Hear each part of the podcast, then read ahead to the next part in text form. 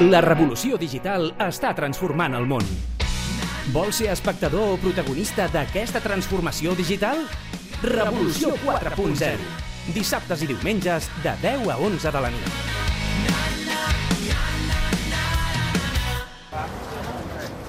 Saps que encara estic buscant cotxe? I ja t'has decidit? Ui, no, ja m'agradaria. A veure, per què el necessites? Doncs per anar a la feina cada dia, fer escapades... I per entrar a la ciutat, no? Exacte. I, és clar que no sigui car. Doncs sí.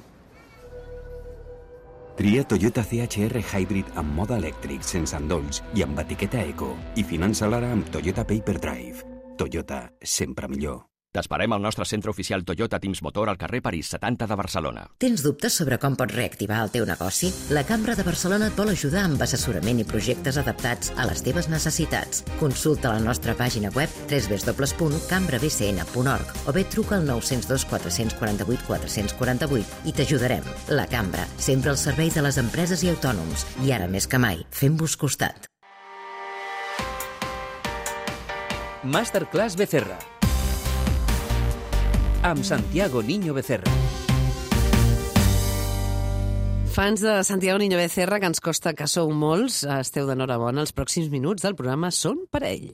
Beautiful people, top designer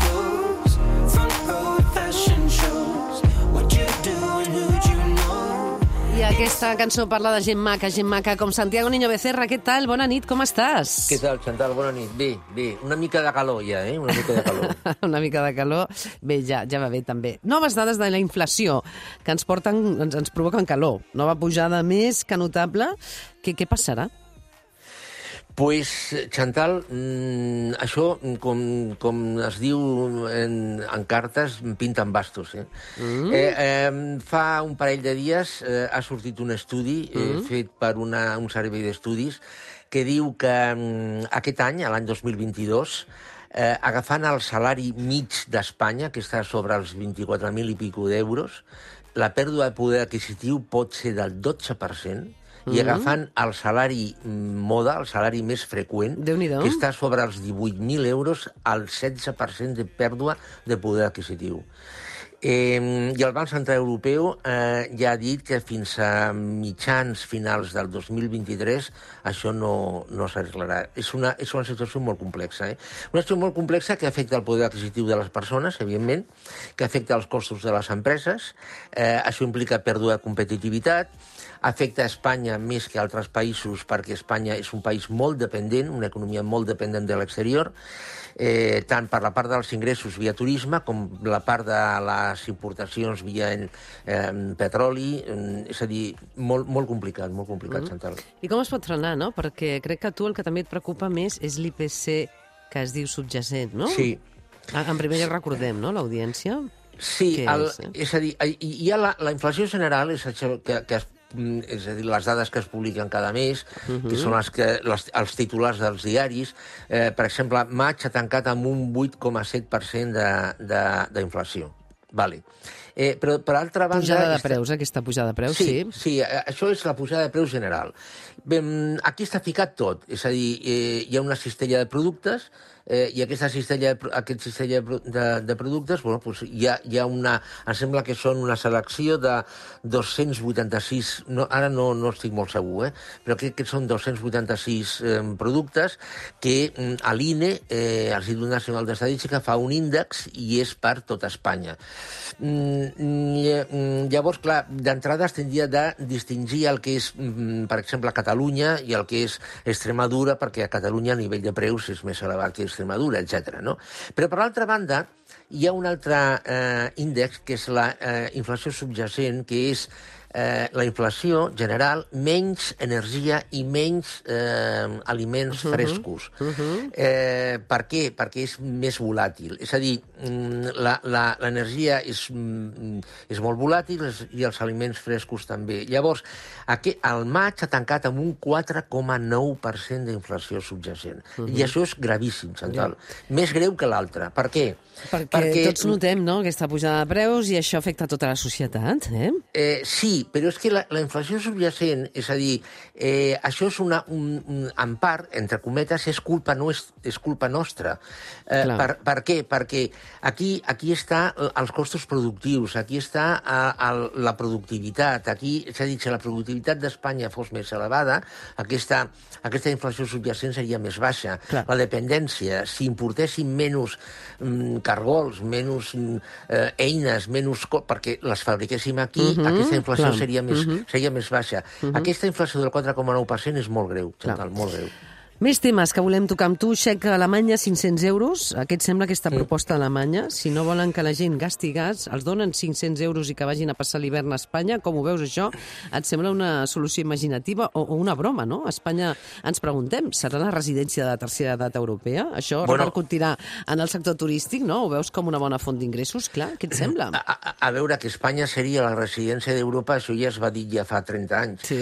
Eh, jo, jo penso que per a Alemanya és un bon negoci, eh, però per Espanya jo crec que no. Ja. Eh, per, per dos raons. Eh, primer, perquè un, el jubilat mig gasta poc. El nivell de consum que té un jubilat mig uh -huh. és baix.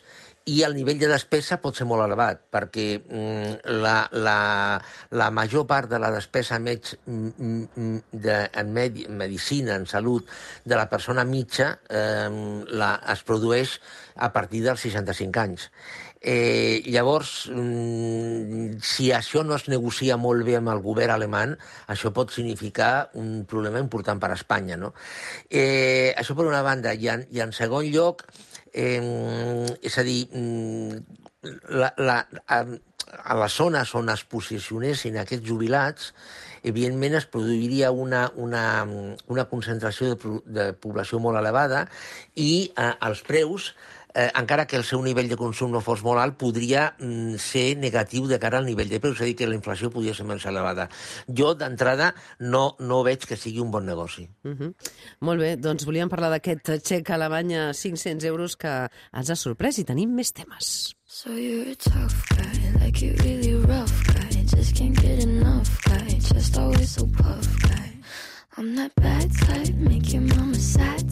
Amb Santiago Niño Becerra volem parlar de la bombolla immobiliària. No sé si són els alemanys els que els compren, però s'estan venent molts pisos darrerament. No sé si és que hi ha diners, no havíem quedat que cada vegada la gent té més problemes econòmics, eh, que la gent jove els hi costa emancipar. Qui compra, doncs, els pisos? Ens preguntem des del Revolució 4.0 de Catalunya Ràdio, especuladors, hi ha poc que pugin els interessos, les hipoteques siguin més cares i per això la gent compra. Què em diries a aquesta nova bombolla immobiliària? Bueno, encara, encara no, no s'ha qualificat de bombolla. Uh -huh. És a dir, encara, encara no. Eh, És a dir, estan augmentant les compres, però de moment no s'ha qualificat de bombolla, sobretot per, per, per la pujada de preus. No? Eh, a veure, aquí hi ha diversos factors. Eh, en, en primer lloc, mm, mm, hi ha molt fons d'inversió que està comprant. En segon lloc, eh, eh, hi ha eh, persones individuals, no, no estic parlant d'empreses, eh, persones individuals que estan invertint en, en vivenda, bé per llogar eh, o bé per dedicar a lloguer turístic, eh, lloguer general o, o lloguer turístic.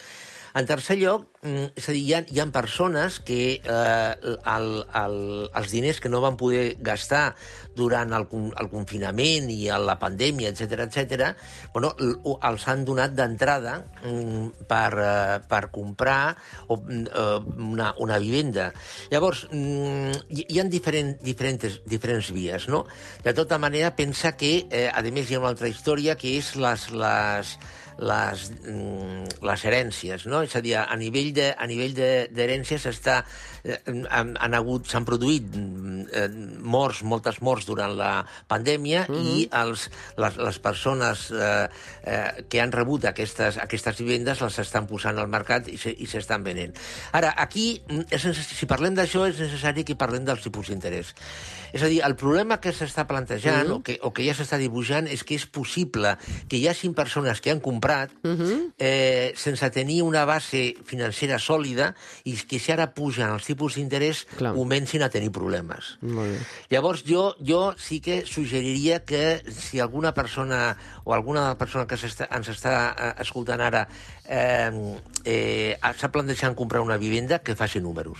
Molt bé. Per acabar ja, uh, teletreball, última qüestió molt ràpida. El teletreball que semblava que havia arribat per quedar-se, resulta que no tant, eh? que la majoria de gent ha tornat a la feina presencial. Eh? I indica que, sobretot, a vegades només s'han teletreballen funcionaris, no? pues jo, jo això no ho tinc tan clar, eh, eh, Chantal. Sí que és veritat que hi ha moltes empreses que eh, han, han tornat a la presencialitat, eh, primer perquè els treballadors ho han volgut mm, i en segon lloc perquè hi ha empreses que ho han volgut. Altres no, eh? Altres han continuat amb la voluntaritat total del teletreball. El que, el que passa és que jo crec que el teletreball es tornarà. Es tornarà per una raó molt senzilla, perquè ara mm, s'està buscant l'estalvi energètic. Eh, I el treball presencial implica una, de, una despesa en energia molt, molt important. De fet, el, el, govern, el govern Sí. japonès, per Mhm, exemple, mhm. ha, ha fet eh, crides a la població perquè estalvi energia. Clar. Bé, veurem què passa. Com sempre, un plaer escoltar Santiago Niño Becerra en la seva masterclass al Revolució. Sempre aprenem, cada dia s'aprenen, i sempre és important aprendre coses cada dia. Gràcies, Santiago. Molt bé. Chantal, bona nit, gràcies a tu.